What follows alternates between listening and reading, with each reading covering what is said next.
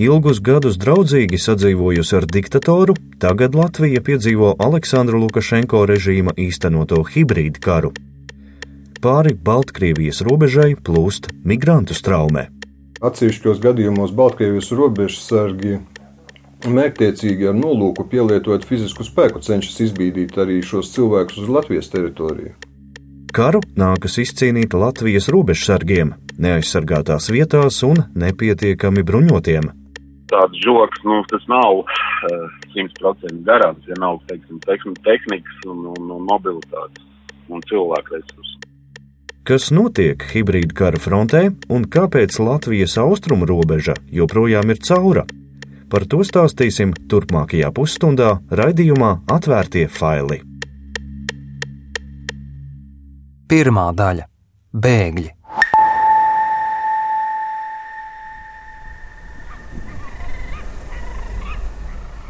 Patvērumu meklētāju izmitināšanas centrs Mucenieki šoruden ir tik pilns kā Eiropas migrantu krīzes laikā pirms pieciem, sešiem gadiem. Pašlaik te izmitināti cilvēki no Irākas, Irānas, Afganistānas, arī Baltkrievijas un Ukrainas. Dienā, kad te viesojamies, brīvas ir tikai divas istabas Centrā ir ap 400 cilvēku, kuri gaida atbildi, vai varēs palikt Eiropas Savienībā. Lielākā daļa no viņiem pēdējo mēnešu laikā nelikumīgi šķērsojusi Latvijas un Baltkrievijas robežu. Šis ir ceļš, pa kuru šobrīd Eiropā ieplūst patvērumu meklētāji. Starp viņiem ir arī Ajans. Hello, Zana. My name is uh, nice to meet you. Ajans ir gara auguma, spēcīgas miesas būves vīrietis, tumšiem matiem. Ģērbies sporta biksēs un tēkraklā, kājās rudenīgajam laikam nepiemērotas iešļūcenes. Viņam ir 28 gadi. Muceniekos Ajans ieradās pirms trīs mēnešiem. Esmu no Irākas un nolēmu doties uz Eiropu, lai glābtu savu dzīvību, jo mūsu valstī ir ļoti bīstami. Ajans bijis ASV armijas tulks, tātad strādājis valstī, kuru teroristiskais grupējums ISIS uzskata par savu ienaidnieku. Tas, pēc Ajana teiktā, viņa palikšanu dzimtenē padara bīstamu. First we went to Vispirms mēs ieradāmies Turcijā, tur nopirkām vīzu un tālāk devāmies uz Baltkrieviju. No Baltkrievijas bija ļoti sarežģīts ceļš, lai šķērsotu robežu un sasniegtu Eiropas valsti. Bija jāiziet cauri džungļiem, bija meži, krūmi, ceļš bija ļoti garš, līdz beidzot ieradāmies Latvijā. Ajana grupā bija vēl trīs cilvēki - viņa brālēns un divi draugi. Ah, labi puiši, ļoti labi puiši. Ajans stāsta, ja esi pietiekami apģērbīgs, tad nevajag kontrabandistu palīdzību, lai šķērsotu kādu robežu. Viņi gājuši paši, bez palīdzības no malas. Es atbraucu izmantojot ceļojuma aģentūras palīdzību. No Turcijas uz Baltkrieviju mūs atveda turisma firma, tā bija vietējā turisma aģentūra. Kā sauca firmu, to viņš neatceroties. To... Baltkrievijā izsaucām taksi, kurš mūs aizveda tuvāk robežai, un tad kājām devāmies uz Latviju. You know uh, Just... Kā jūs zinājāt, kur jāiet? Ar kartes palīdzību. Mēs skatījāmies kartē, kur ir robeža, kur ir Eiropas valsts. To, ka ir Latvijā un Eiropas Savienībā, bēgļi atskārtuši pēc automašīnu numuru zīmēm, burtiem LV un Eiropas Savienības zvaigznīšu apļa. Yeah, Tad sapratām, ka esam Eiropas Savienības valstī. Mm, no, no, we was working on the road. It was like the small town and the Mēs nonācām uz ceļa, tas bija mazā ciematā. Mūsu drēbes bija netīras, cilvēki mūs pamanīja. Viņi domāja, ka esam imigranti un izsauca policiju. Policisti mūs aizturēja. Mēs nekur nebēgām, nemukām, vienkārši sēdējām un policija atbrauca. Viņi sāka izmeklēšanu un visu imigrācijas procesu. Ajans stāsta, ka tolaik, kad viņu grupa devās ceļā uz Eiropu, situācija uz Latvijas-Baltkrievijas robežas nebija tāda kā tagad. Es redzēju sociālajos tīklos, ka ir ģimenes, kuras sēž uz robežas starp Baltkrieviju un Latviju. Latvieši viņus nelaiž iekšā, bet Baltkrievi neļauj atgriezties. Tā laikam ir abu valstu politika, es tā dzirdēju ziņās. Kad viņš šķērsoja robežu, viss bija mierīgi abās pusēs. It was nothing. Tur neviena nebija. Arī Latvijas pusē neviena uz robežas nebija. Kā jau teicu, mēs atnācām pirms trīs mēnešiem. Tagad varbūt situācija ir citādāka. To, cik ceļš izmaksājis, Ajans neatklāja. Vien piebilst, ka dārgi. Kāpēc nav devies legāli? Irākietis saka, tas ir sarežģīti, tāpēc patvēruma meklētāji parasti izvēlas nelegālo ceļu. Viņš pats sākotnēji mēģinājis dabūt Krievijas vīzu un doties caur šo valsti, bet tas nav izdevies. Maybe it was some cheapest and uh, Bija dārgāk un sarežģījumi Covid dēļ, tāpēc devāmies caur Baltkrieviju, tur arī vīza lētāka. Migrantu mērķis nav bijis tieši Latvija, bet gan Eiropas Savienība. Piemēram, viņa tuvinieki atrodas Portugālē. Realitāte Latvijā gan izrādījusies daudz skarbāka nekā viņi cerējuši. they give us three euro in the day. Mums dod 3 eiro dienā. Par 3 eiro mēs varam apmaksāt tikai vienu ēdienreizi, bet katram cilvēkam pienākas 3 ēdienreizes dienā. Pēc Ajana stāstītā patvērumu meklētāju centrā ir daudz bērnu un sieviešu. Viņiem ir laikapstākļiem nepiemērots apģērbs un apavi, bet palīdzības nav. Tas ir iemesls, kāpēc daudzi no Latvijas dodas prom uz citām valstīm, piemēram, Vāciju vai Franciju. Mūsu sarunā Ajans apgalvo, ka viņš pats paliks Latvijā, ja uz patvēruma lūgumu saņems pozitīvu atbildi. I try to build my life and uh, get some workers here and learn. Ceru te būvēt dzīvi, atrast darbu, mācīties latviešu valodu, gribu sākt normālu dzīvi. Yeah. Maybe maybe I can write down your phone number Mhm, Okay. if any case I have something to. Pēc sarunas apmaināmies ar telefona numuriem. Nedēļu vēlāk Mucenieku bēgļu centrā atklāja Covid-19. Un Covid-19 skārus arī patvērumu meklētāju centra moceniekos pagājušajā nedēļā. Infekcijas dēļ ievieš karantīnu. Tas nozīmē, ka iemītnieki vairs nevar atstāt centra teritoriju, lai, piemēram, dotos uz veikalu. Tas izraisa nemierus. Līdzīgi kā vakar, arī šodien liela daļa muciniekos izvietoto patvērumu meklētāju bija sapulcējušies iestādes pagalmā. Kad vēlāk zvanu Ajanam, viņa iedotais numurs klusē. Pēc mediju ziņām vairāki bēgļi ir aizmukuši no muceniekiem, daļa aizturēti kaimiņu valstīs. Vai starp viņiem ir arī Ajans, tas nav zināms. To nesaka arī centra pārstāvji. Mūsu intervētais irākietis Ajans apgalvoja, ka viņa bēgļu grupa ceļu uz Eiropas Savienību caur Baltkrieviju atraduši uz savu galvu. Bet vairāki irākieši, kas pēc neveiksmīgās bēgšanas aizsūtīti atpakaļ mājās, Irākas žurnālistiem stāstījuši par turisma firmu apgalvojumiem, ka šīs tūres organizē sadarbībā ar Baltkrievijas varas iestādēm. Un jau no paša sākuma bija skaidrs, ka mērķis ir nevis turisms, bet patvērums Eiropas Savienībā. Parasti bēgļiem solīta viņu sapņu zeme - Vācija. Maršruti līdz Baltkrievijai bijuši dažādi, tāpat kā cena - sākot no 2,5 tūkstošiem eiro līdz 15 tūkstošiem. Otrā daļa - hibrīda karš.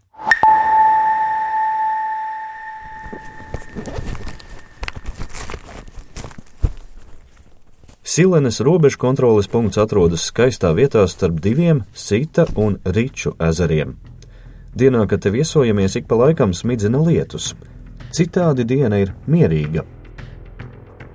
Iepriekšējā diennaktī aizturēti 12 nelegāli imigranti. Nedēļas bilance ir 154 cilvēki.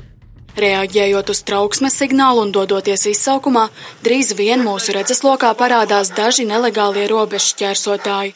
Kad vasaras beigās pie mūsu valsts robežas sākās migrantu krīze, šeit, Silenes robežas zonā, iestrēga liels skaits migrantu, radot satraukumu par viņu dzīves apstākļiem.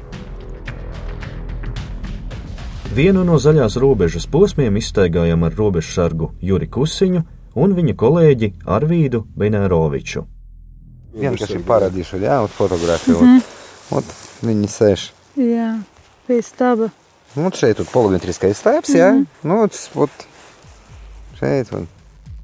Polimetriskie stabi iezīmē vietu, kur beidzas viena valsts un sākas cita. augustam, ja? Mm. Mm? Līdz 23. kur tas bija. Jā. Jā, nu, jā, jā, jā. Kā es saprotu, Nu, vienkārši, nu, nu, vienkārši Kā viņi vi- sēdēja, jā. Ot viņi sēdēja. Viņi sēž Baltkrievijas eh, teritorijā, jā, un šeit stāvam mēs, jā, nu, Mhm. redzams, jā, robežas stāv. Un viņi sēž, veselu nakti viņi tā sēž. Nē, un tas, tas maziņa grupiņa, tas viena ģimene, jā. Jā. Tā bija, kā, kur tur Juris teica par tiem nometnēm, tur bija 40 cilvēki, jā, cik tur bija viņam. Rekords bija 9. 9. augusts, pirms vēl, jā, pirms ārkārtas situācija pieņēma 136 personas vienā dienā. Mm. Tas tāds skaitlīts. Bet 9. datumā tur viena grupa tikai bija 30. 136. Ā, 130. ā. 136. Nu, jā, jā, tāpēc Speciāls jau pierakstīju ar sarkaniem burtiem atzīmē. Kāpēc šī vieta bija nelegālo imigrantu epicentrs? Kusiņš uzskata, te ir tam piemērota infrastruktūra. Tas vecais ceļš, jā. Agrāk jau padomju laikos šeit braukā uz Tā, nu tā vienkārši šeit. Tā var apskatīt robežu.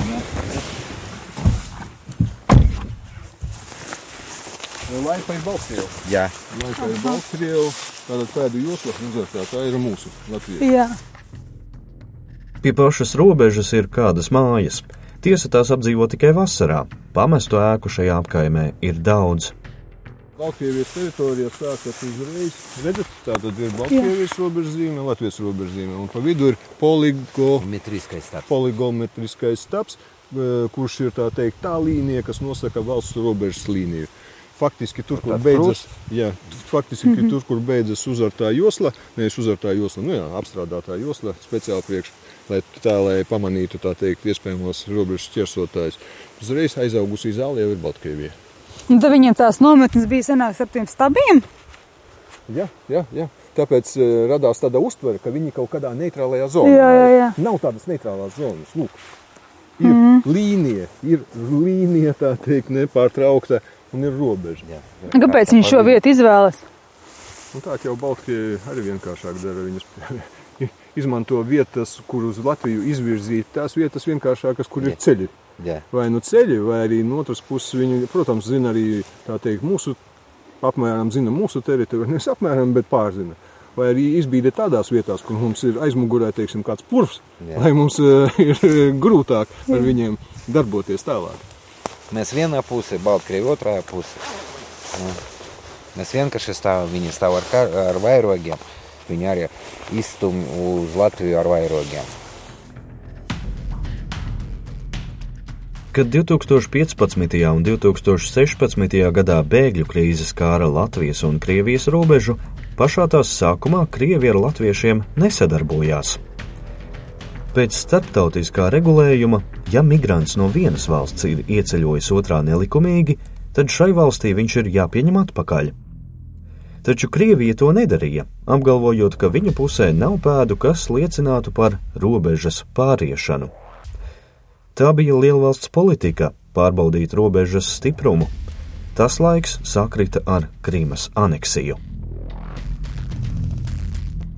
Vēlāk situācija mainījās, un krievi pārgājējus pieņēma atpakaļ. Tolaik uz robežas darbojās organizētā noziedzība, kuru Krievijas varas iestādes sākotnēji piesedza. Tagad ir citādi. Notiekošais ir hibrīda karš. Migrantu plūsma tiek organizēta ar Baltkrievijas varas iestāžu palīdzību, un ne tikai caur Latviju, bet arī Lietuvu un Poliju. Lukašenko režīms šādā veidā atriebis par Eiropas Savienības piemērotajām sankcijām. Bet jūs redzat, jums ir kaut kāda, nu, es nezinu, kamerās vai vēl kaut ko tādu, nu, to brīdi, kad viņi viņus izlaiž līdz šim te starpstabiņu posmam. Nu, jūs varat viņiem teikt, nu, veķi, lūk, kur mēs redzam, kā viņi jums garām ir pagājuši. Protams, jā. Tas mums viss ir skaidrs. Jā. Par Baltkrievu oficiālo iestāžu līdzdalību liecina arī skaitļi. Kad pirms vairākiem gadiem kritiska situācija veidojās Krievijas pierobežā, kopumā aizturēja 839 robežu pārkāpējus. Šogad, kopš 11. augustā, Lūdzes, Krāslavas, Augstdaugavas novados un Daugopils pilsētā izsludināja ārkārtējo situāciju, robežsargi notvēruši jau vairāk nekā 1500 cilvēku. Atšķirība ir liela. Uzliek liek savus nu, novērotājus. Jā, viņam novērotājs ir. Ko nozīmē novērotā? Mēs pat nezinām, varbūt kāds te arī ir. Šeit? Jā. Es domāju, ka šeit jā, sēdēja. Mm. Viņi tagad slēpjās. Agrāk viņi uzreiz izlida no krūmiem un uzsaka filmēšanu, bet tagad viņi sēž un klusa. Nu, to mēs varam tagad pie torņa apskatīties. Mm. Pie mums gandrīz pie katras robežzīmes viņi ir. Viņam ir novērotāji. Mm. Bet tas ir agrāk tā bija? Kad tur tie novērotāji bija. Nē, nē, Tieši tagad, tagad, tagad, kad sākās. Tas agrāk tā nebija. Jā, agrāk bija normāls jā. Starp abiem ezeriem ir pusotrs kilometrs. Te vajadzēja būt žogam, kura izbūve ir aizkavējusies. Nu, varam pie torņa piebraukt, jā, nu, blakus. Pierobežā ir novērošanas torņi, kas aprīkoti ar tehnoloģijām, kuras palīdz pamanīt pārkāpējus.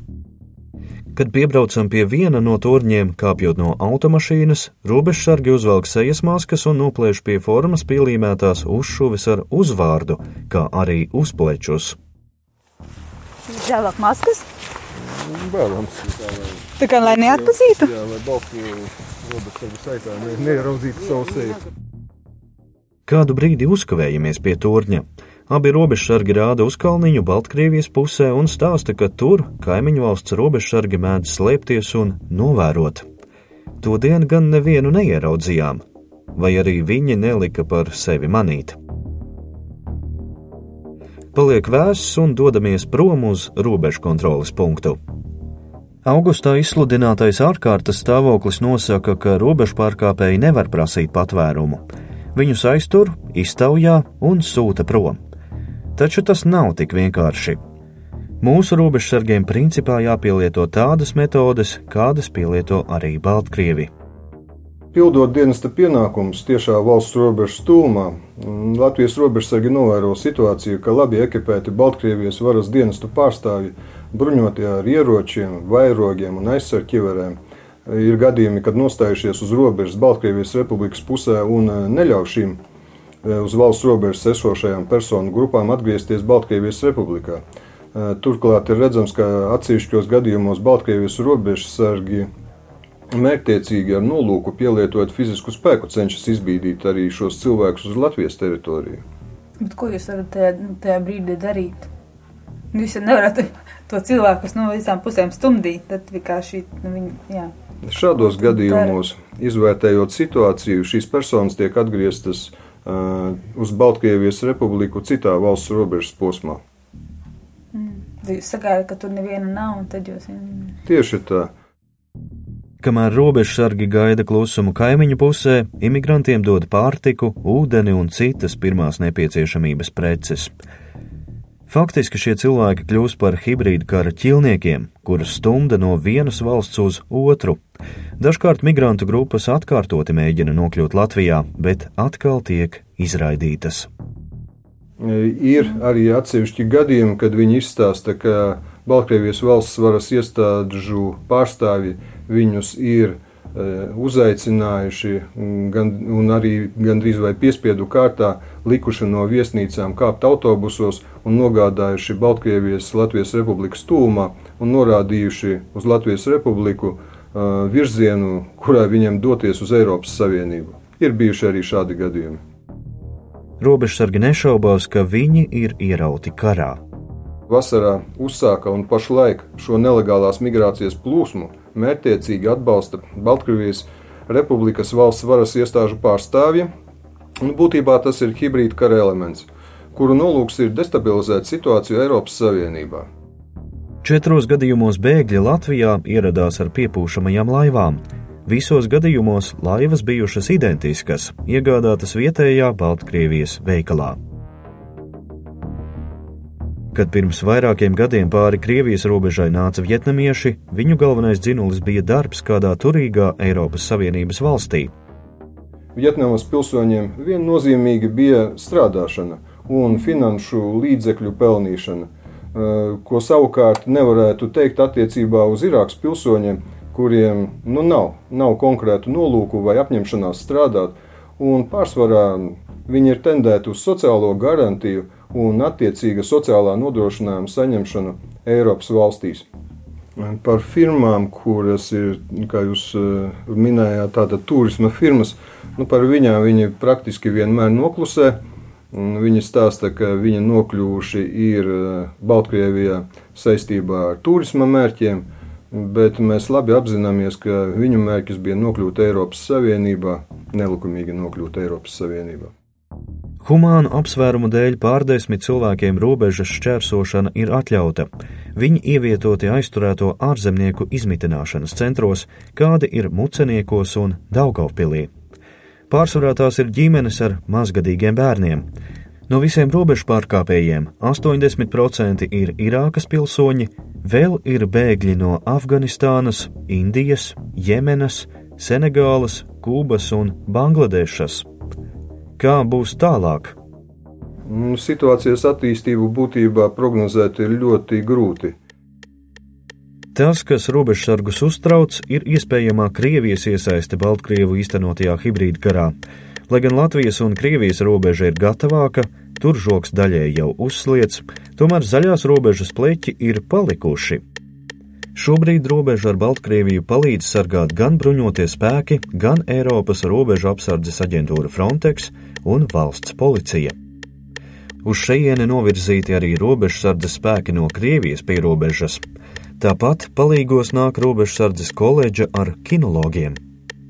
Bet jautājums paliek, cik ilgi robežsargi spiedienu izturēs. Trešā daļa mūris vai siets. Tā ir bezatbildība no mūsu puses, tieši tāpat kā šie 2%, kurus mēs nespējam atrast, kurus mēs solījām. Tieši tā Ukraina šobrīd nu, liek mums tomēr izvērtēt, cik reāli ir šie draudi.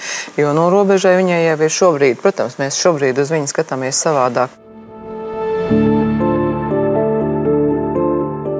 To 2015. gada rudenī, kad pēc Krievijas agresijas Ukrainā aktuāls bija jautājums par zaļajiem cilvēciņiem, raidījumā aizliegtais paņēmiens teica tā laika Saimas Nacionālās drošības komisijas priekšsēdētāja Solvita Aboltiņa. Tolaik dienas kārtībā bija austrumu robežas drošība, kuru regulāri no Krievijas puses šķērsoja vietnamieši. Raidījums savā eksperimentā secināja, ka robežas šķērsošana ir teju kā pastaiga parkā. Vietnamiešu un citu migrantu plūsma mudināja rīkoties un robežu nostiprināt. Valdība lēma arī par žoga būvniecību. Plāns bija, ka žogs būs gatavs 2019. gadā. Tagad ir 2021. gada rudens, un uz Krievijas robežas ir uzbūvēta tikai daļa žoga - 93 km. Uz Baltkrievijas robežas tā nav vispār. Būvdarbi apsīka pirms diviem gadiem, jo trūka naudas.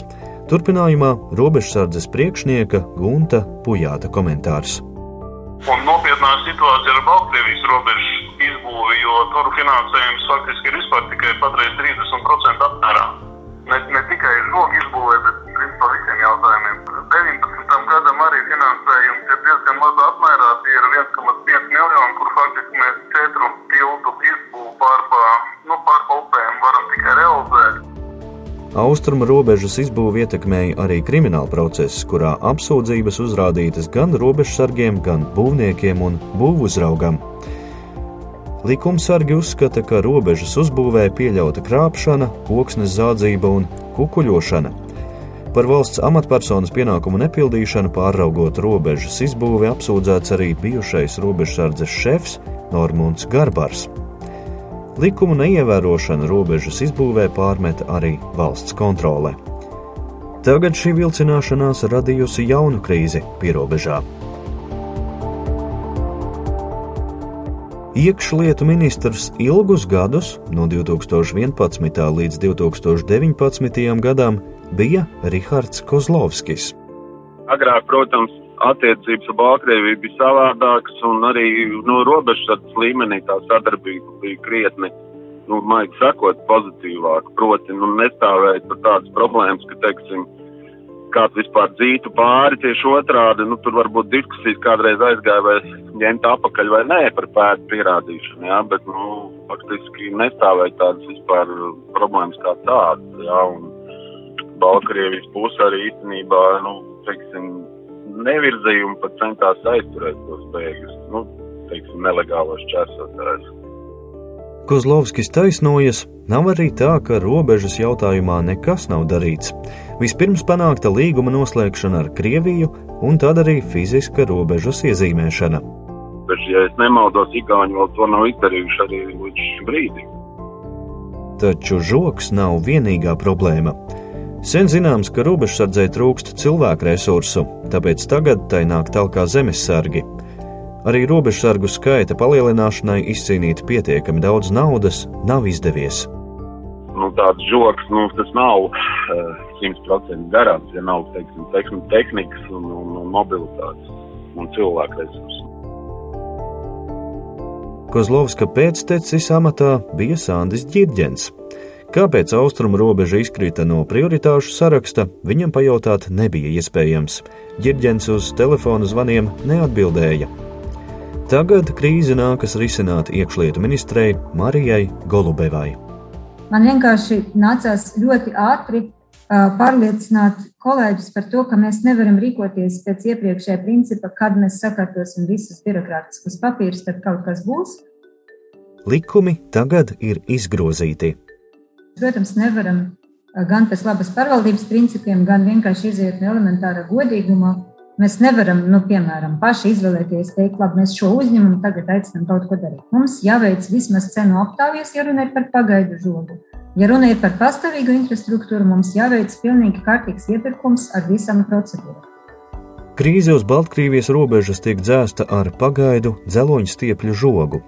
Pašlaik tas uzlikts nepilnu divu kilometru garumā, taču arī ar dzeloņu stiepļu iepirkumu gāja kā pa celmiem. Žogus būvē arī citas Eiropas Savienības valstis, kurām jāsargā ārējā robeža. Pieprasījums pēc materiāliem ir audzis. Pirmā cena aptauja beidzās ar to, ka uzņēmējs solīja termiņus, kuros pats nevarēja piegādāt. Tagad šis līgums tiek izbeigts, un tagad ir jauns uzņēmējs, kas piedāvā piegādāt daļu, bet ne visu. Mums būs jāsludina trešā cenu aptauja, lai, lai atlikušo daļu um, dabūtu. Savukārt patstāvīgā infrastruktūra vēl jāgaida. Un tagad mums tas jādara saskaņā ar jaunu, precizētu būvprojektu, lai nebūtu šis nekārtības. Iepirkumu organizēs nodrošinājuma valsts aģentūra. Pēc pašreizējiem plāniem pastāvīgajam žogam uz Baltkrievijas robežas jābūt uzceltam 2024. gadā. Bet pagaidām trīs pierobežas novadi un Daugopils dzīvo ārkārtas stāvoklī. Tas izsludināts līdz 10. novembrim, un nav skaidrs, vai nebūs jāpagarina. Bet mēs nevaram zināt, kāda būs prognoze nākotnē, līdz ar to mums jāpaliek modriem.